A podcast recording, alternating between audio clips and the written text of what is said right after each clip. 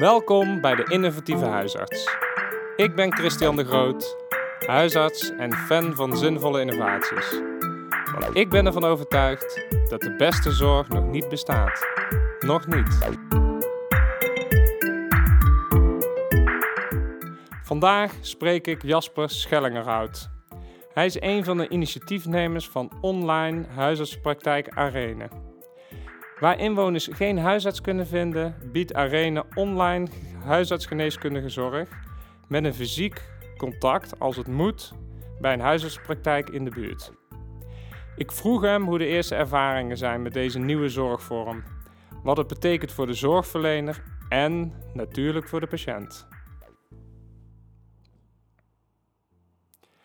Jasper, eh, we zijn in het kantoor van Arene, de online huisartspraktijk. De eerste keer dat ik niet in een huisartspraktijk kom, maar in een online huisartspraktijk. Je bent, eh, eh las ik, ook nog bezig met eh, familiedokters, een bedrijf om beginnende huisartsen te ondersteun- ondersteunen. En praktijkhouder en ook nog epidemioloog. Hoe hou je al die ballen in de lucht? Eh, ja, agen- agenda management en, en teamwork. Ik doe het gelukkig geen van alle eh, eh, alleen. Dus alle initiatieven is een samenwerking ook tussen meerdere mensen qua initiatiefnemers. Dus en agenda management. Hè. Dus zorgen dat eh juiste momenten prioriteit gesteld worden. Maar dat zal een eh, behoorlijke uitdaging zijn. Ja, dat is bij tijd en wijle wel een flinke uitdaging. Ehm, in de ICT en Health las ik dat je fan bent van digitale oplossingen. Dat je dat al jaren doet, ook in je eigen huisartspraktijk. Om de zorg eh, behapbaar te houden. Waar komt die eh, fascinatie voor digitale zorg vandaan? Ehm, nou ja, fan van digitale oplossingen. Eh, eh, fan is denk ik een groot woord, want het suggereert dat ik alles wat digitaal is, dat ik dat mooi vind. Dat vind ik helemaal niet. Ik zie wel de mogelijkheden van digitale oplossingen. Dus eh, daar waar het het proces kan verbeteren, of misschien wel gelijkwaardig, maar dan in ieder geval als alternatieve optie geboden kan worden. Ehm, en ja, die fascinatie eh, puur technisch, eh, eh, ik zie dit meer als structuuraanpassingen. Dus inderdaad als proces. Ik moet wel eerlijk toegeven dat ik in mijn jongere jaren ook wel was van computers in elkaar zetten eh, en uit elkaar halen en van allerlei dingen mee doen. Ehm, omdat ik dat op zich wel fascinerend vond. Maar nu met die digitale, digitalisering in de zorg is het veel meer van joh, kunnen we nou zorgprocessen nou ja, effectiever maken of, of prettiger maken eh, voor de patiënt en voor de huisarts of andere zorgverleners. Ehm, nou, ik ga je een heleboel vragen stellen zo over de, eh, de online huisartspraktijk. Ehm, maar we beginnen eerst eens met een stelling en je mag proberen om er alleen ja of nee op te antwoorden. We hadden het er net al even over dat dat niet altijd makkelijk is. Even kijken, de online huisartsenpraktijk zal een noodzakelijk middel blijven om iedereen in Nederland huisartsgeneeskundige zorg te bieden. Ja, daar, hadden we het al over. Het ja of nee is een lastige. Ehm, ik denk dat het antwoord eh, ja is, eh, eh, maar ik hoop nee. Dan komen En daar komen we dan straks op terug. Ja. heel goed, heel goed. Nou, mijn eerste vraag. Waarom een online huisartsenpraktijk?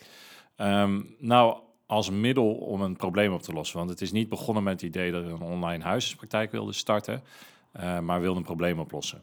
Eh, begin vorig jaar, nog eh, voor corona heet dat dan tegenwoordig, ehm, eh, we waren op een event en eh, kregen we een award uitgereikt, in dit geval voor de zorggroep, als meest online zorggroep van Nederland. Hm. En stond wat na te praten en daar kwam ook iemand naar voren die zei, ja, we, gewoon in een, een regulier gesprek van, joh, dat is wel, wel leuk dat eh, jullie patiënten daar nou eh, zoveel gebruik van maken en die mogelijkheid hebben.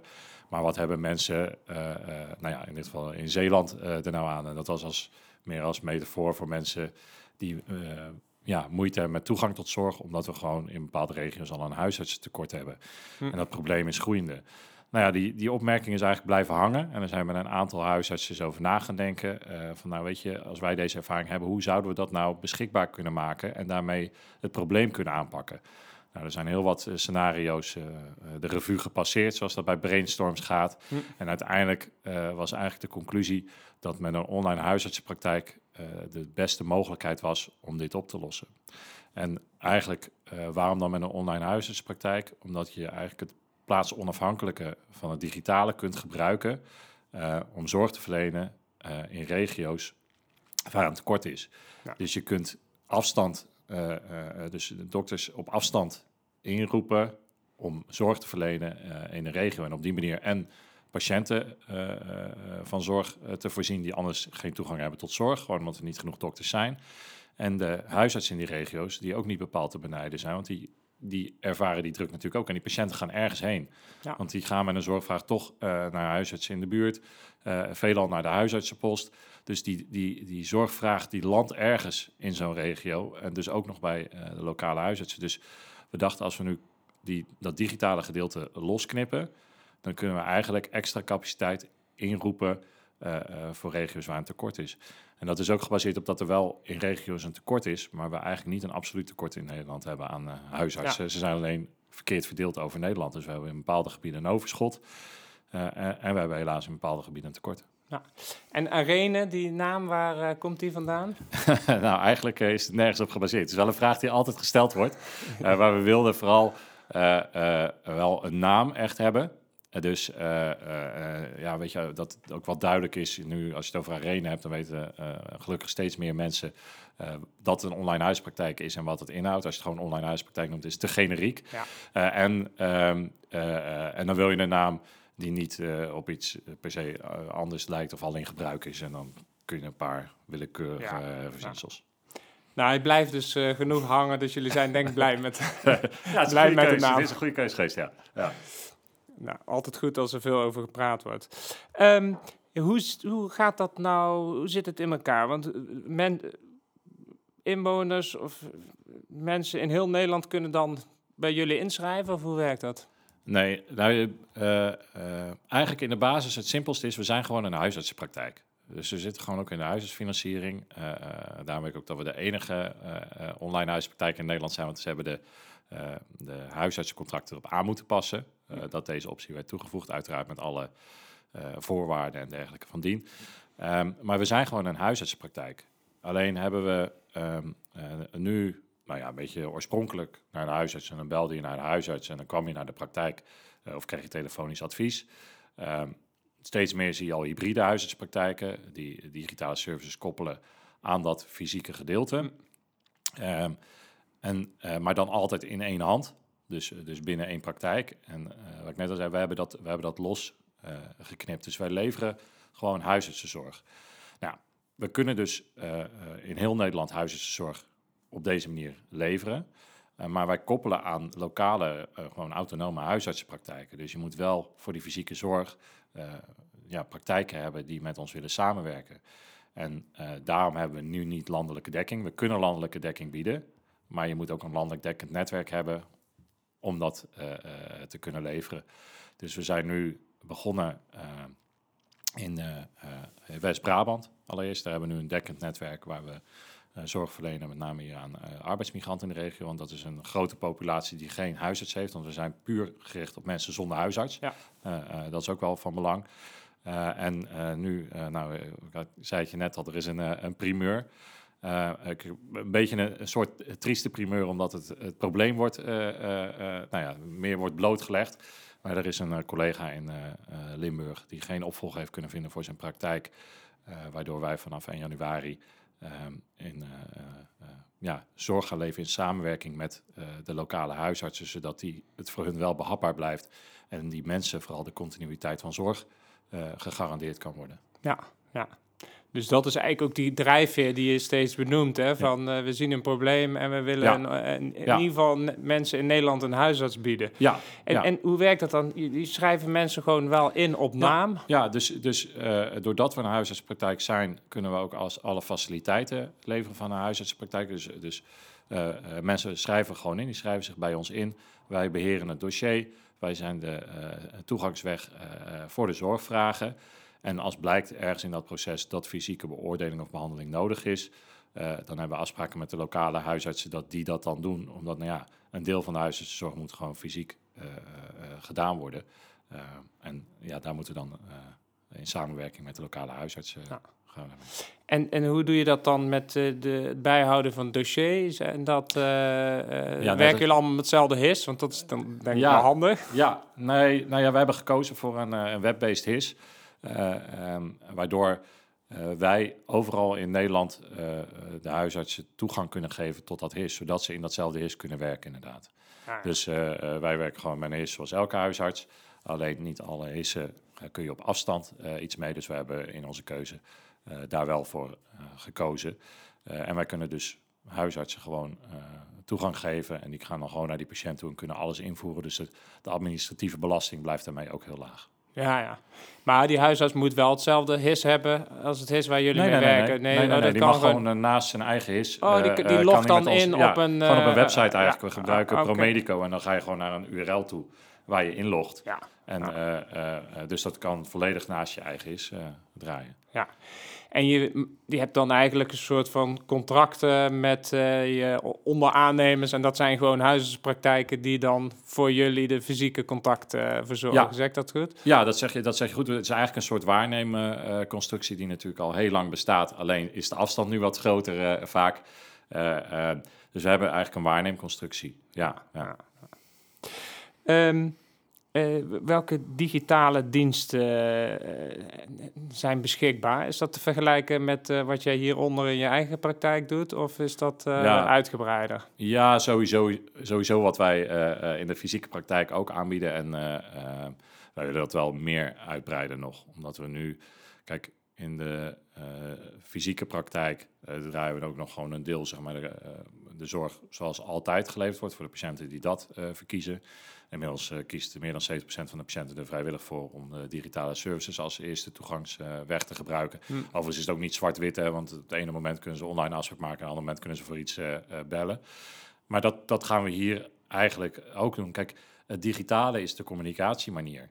Dus eh, nou is tegenwoordig telefoneren ook digitaal. Maar Ja. dat willen we vooral gebruiken om je... Nou ja, voor spoedgeval uiteraard hebben we gewoon een spoedlijn. Ja. Maar als je dan de spoedlijn bijvoorbeeld neemt...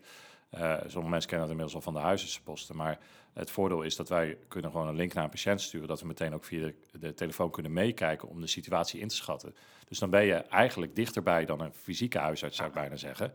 Ehm, en verder maken we van die communicatiemiddelen gebruik. En we willen ook vooral digitale functionaliteit, eh noemen we dat aan de voorkant, eh, zeg maar voor zelfmanagement aan patiënten gaan aanbieden. Hm. Ehm, nou, dat is, dat is een aandachtspunt, maar ik moet eerlijk zeggen, we moeten de aandacht verdelen. Zoals je straks al vroeg, hoe hou je dat allemaal eh, in een kalender, eh, eh, beheer je dat? Dus, dus daar zit wel een tijdslijn in en we zijn nu is vooral van belang dat we nou, laten zien hoe het werkt, dat die logistiek goed uitgewerkt wordt en dat we steeds meer mogelijkheden nou, voor patiënten gaan aanbieden. Ja, ja. En eh, dus even heel praktisch, komt het, kunnen mensen wel bellen ook naar Arena? Of is, Zeker. eh, ja, ja, dus Zeker. En, en zit hier net als een gewone praktijk, doktersassistenten, huisartsen. Nou ja, of ze hier allemaal zitten, dat is een ander dingetje natuurlijk. Want, eh, onder andere een van de huisartsen zit nou duizenden kilometers verderop. Ehm, want die verblijft een tijd in het buitenland. Ehm, maar dat is juist ook wel een aardige illustratie van hoe kan je nou capaciteit die, die ongebruikt is, eh, inzetten. Eh, deze huisarts bevindt zich anderhalf jaar in het eh, buitenland. En die heeft gezegd, nou hier kan ik geen huisartsdiensten eh, doen. Maar ik wil wel graag eh, nou ja, mijn, eh, mijn vak uitoefenen kan dat dan via jullie. En eh, daarom, ze zitten niet altijd allemaal hier, maar op zich, het team is hetzelfde. Ja. Alleen nu, als ik jou bel, eh, of, of je assistenten bel, ja, dan weet ik ook niet waar ze zit. Maar dat maakt voor mij eigenlijk ook niet uit, want het gaat meer om, kan ik een vraag stellen? Ja, Nou, als je dat principe in het achterhoofd houdt, dat werkt bij ons hetzelfde. En of die, die assistenten dan naast die dokter zit, of dat ze eh, misschien wel eh 200 kilometer uit elkaar zitten, dat maakt op zich niet uit. Want je gaat uit van een patiënt heeft een, een vraag. En als die maar een antwoord kan krijgen op de vraag, ja, dan, dan is die geholpen. Nou, schiet mij nog even te binnen van wat doe je dan met spoed? Hè? Want er iemand belt en je komt erachter van ja, maar dit is spoed, moet gewoon snel gezien worden. Niet per se door een ambulance, maar krijg je het dan voor elkaar om dan ook heel snel een huisartspraktijk te vinden waar iemand eh, gezien kan worden? Nou ja, dat, dat is de basis van het netwerk ongeveer. Ja. Ook om spoedzorg te leveren. Dus eh, eh, wat natuurlijk spoedzorg in Nederland tegenwoordig wel een beetje een rekbaar begrip is, in de zin van tussen 8 en 5 op doordeweekse dagen, is dat een heel andere kwestie dan eh, eh, daarbuiten. Want huisartsenposten kun je soms wel aanrijdtijd hebben voor patiënten van een half uur of 35 minuten. Hmm. Eh, eh, dan kun je er ook niet, eh, volgens er is een soort veldnorm van een eh, kwartier die altijd aangehaald wordt. Ja. Dat kan niet. Maar wij, wij creëren het netwerk dus ook eh, op basis van die, eh, eh, eh, nou ja, in ieder geval de nabijheid, zodat je acute zorg kunt verlenen. En maken afspraken met de lokale huisartsen dat in geval van nood dat geleverd wordt. Ja. Ehm, en dat is wel een basis, maar laten we eerlijk zijn, dat is ook een van de ja, heel weinig voorkomende eh, vragen. Er zijn weinig, nou, je, hebt, je hebt spoed, spoed, dus ambulance bellen, daar heeft een huisarts al niks eh, mee van doen. En vaak kom je dan toch al bij de, eh, het kan binnen het uur eh, eh, uit. Dat klopt, maar ik, eh, wat, wat eh, in ieder geval bij ons in de praktijk komt ook wel eens voor dat er dan s ochtends eh, gebeld wordt. Ja, ik heb eh, maar gewacht tot jullie open waren. Ja. En, eh, en dan blijkt er toch een spoed te zijn waar Ja. je op korte termijn naartoe moet. Ja, Ik kan me voorstellen dat dat voor sommige onderaannemers die dan een spreekuur moeten onderbreken om naar een van, van jullie patiënten Ja. te gaan. Dat dat, Ja, nou ja, dat is zo. Maar aan de andere kant, dat komt ook bij de eigen patiënten voor. En je moet bedenken dat als wij er niet zijn, die acute situatie zich nog steeds voordoet. Ja. En dan kun je zeggen, misschien bellen die mensen dan gewoon een ambulance en dan is het opgelost. Maar de vraag is of dat dan op een gegeven moment ook weer problemen in de acute zorg op gaat leveren. Ja. Dus het gaat, dit gaat ook wel echt over de juiste zorg op de juiste plek.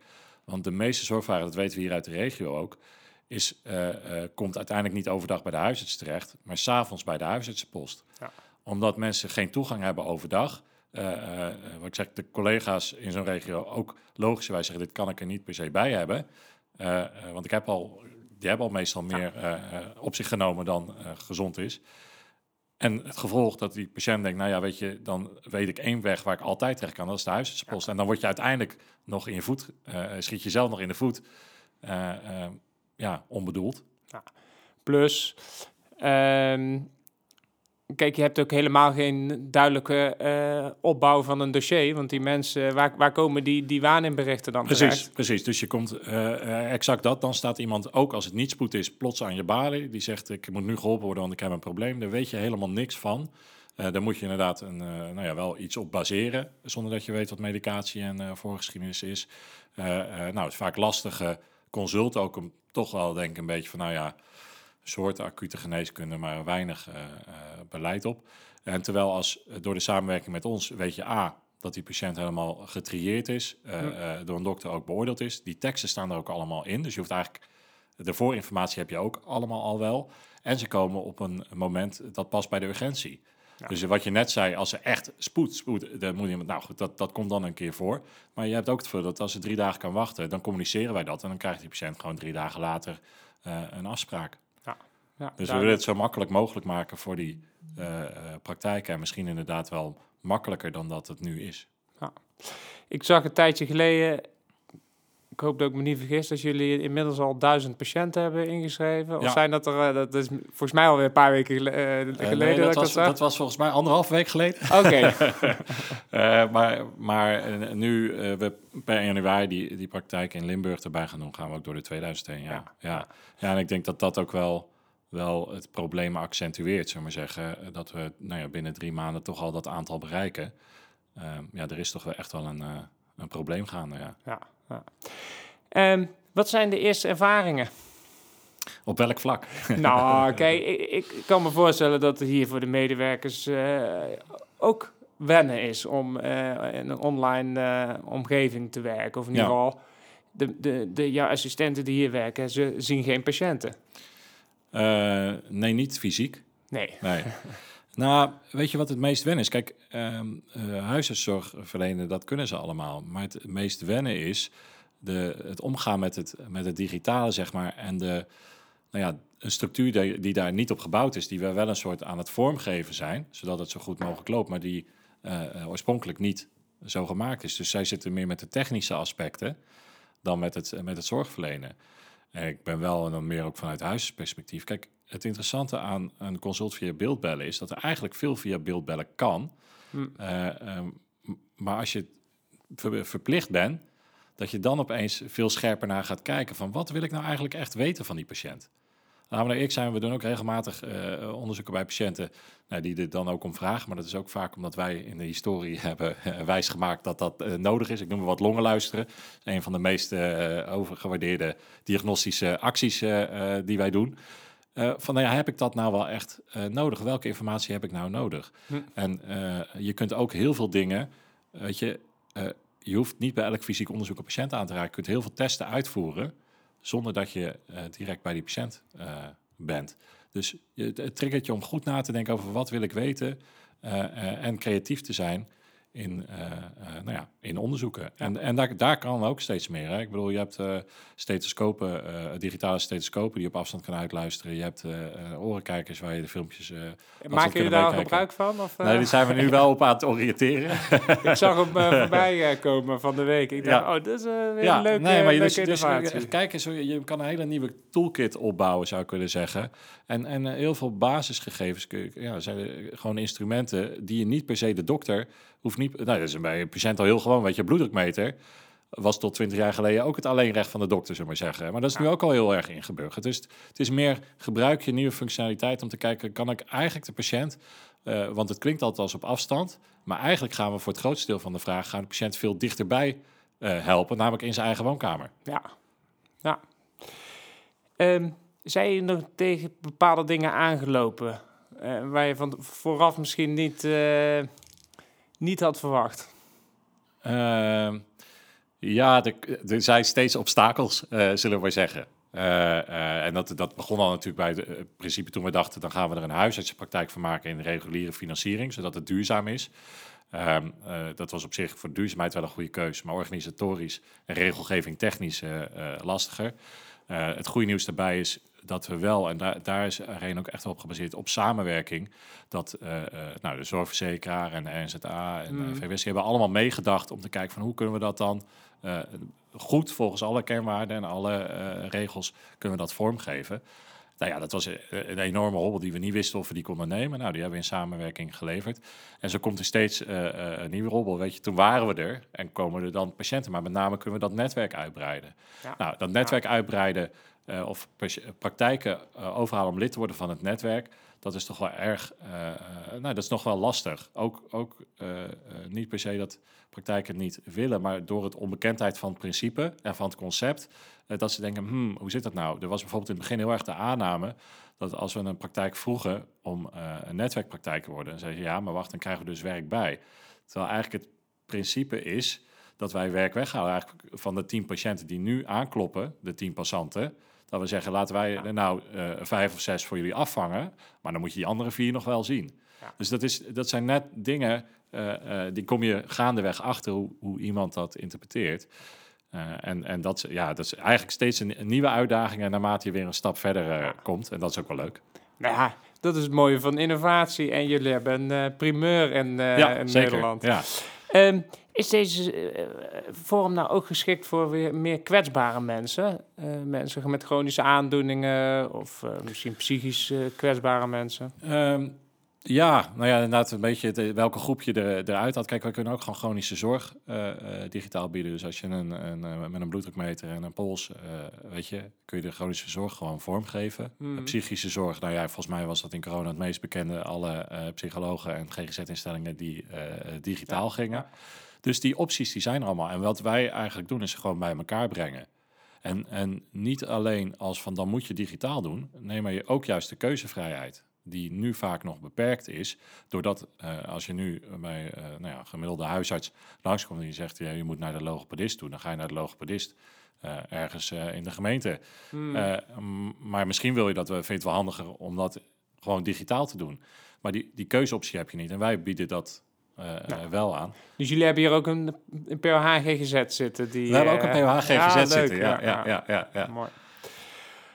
Leuk. Ja, ik heb echt wel een mooi beeld gekregen over je, hoe het is ontstaan en, uh, en ja, wat een online huisartspraktijk nou uh, ongeveer inhoudt. Ja. Hè? Want ik denk, uh, je, ik lees erover, maar het blijft zo, niet helemaal tastbaar. En dat is nu voor mij wel, uh, en hopelijk voor de luisteraar ook tastbaar geworden. Ik wil, eh, eh, dank daarvoor, voor die heldere uitleg. Ehm, ik, ehm, ik wil graag terugkomen op die stelling, want Ja. het was inderdaad een stelling waarvan je zei eh, ja, maar ik hoop nee. Ik zal nog even herhalen. De online huisartspraktijk zal een noodzakelijk middel blijven om iedereen in Nederland huisartsgeneeskundige zorg te bieden. En je zei van ehm, eh, nee. Oh nee. ik zei ja, en ik hoop nee. Ik hoop nee.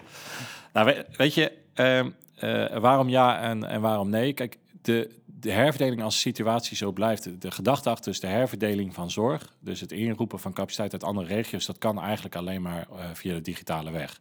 Of je moet ze laten verhuizen. Eh, nou, in dat geval is het probleem ook opgelost. Ehm, maar goed, dat, dat zie ik nog niet meteen eh, gebeuren, omdat het natuurlijk, het zijn niet alleen de huisartsen die uit die regio's trekken, dat zijn vaak gewoon krimpregio's in algemene zin. Hmm. Ehm, dus ik denk dat het principe achter de online huisartsenpraktijk eh, eh, wel nou ja, gehandhaafd zal blijven. Hoe dat dan uiteindelijk vorm krijgt, of dat dan één partij is zoals Arena die dat dan landelijk doet, of dat dat leidt tot meer nou ja, samenwerkingsverbanden, dat weet ik niet. En ik, waarom ik zei, ik hoop nee, eh, dat is omdat dan uit, eh, blijkt dat het probleem in Nederland van het huisartsentekort is opgelost en het dan niet meer nodig is. Ja. En, en ik denk wel dat, dat de ervaringen die wij opdoen hier, weet je, we gaan zijn dan ook redelijk transparant in. Als blijkt dat het werkt, dan delen we dat graag met de andere huisartsen in Nederland. Eh, van joh, eh, stel nou dat je de 10% van de vraag aan de voorkant kan afvangen. Ja, waarom zouden we dat dan voor onszelf houden? En daarmee kun je ook een deel van de capaciteit oplossen. Ja. Dus, want ik gun uiteindelijk iedereen gewoon een huisarts eh, eh, in zijn buurt. Eh, maar ik denk wel dat om de zorg behapbaar te houden, dat een model zoals wij hanteren uiteindelijk wel blijvend zal zijn. Ja. Ja, waarmee je eigenlijk zegt en benadrukt, als je het natuurlijk hebt over digitalisering, het moet een middel zijn en geen doel op Ja, zich. absoluut, absoluut. Ja. Nou, dan zijn we gekomen tot de, eh, de vraag. De vraag die jij graag de luisteraar zou mee, eh, mee willen geven. ja, volgens mij was het meer een advies, eh, toch? Of niet? Mag Nou, wat, wat eh, met name de, digitali ja, de ervaring met digitalisering mij geleerd heeft, is om alle aannames en voorbehouden los te laten en het gewoon te proberen. Weet je, er zijn zoveel dingen die in de praktijk heel anders blijken uit te pakken in positieve zin. Dat ik zou zeggen, negeer koudwatervrees en eh, ga er gewoon voor. Dit was de innovatieve huisarts. Met een inspirerend verhaal om de zorg slimmer in te richten. Ik zoek verder naar nog meer mooie innovaties. Je hoort snel van me.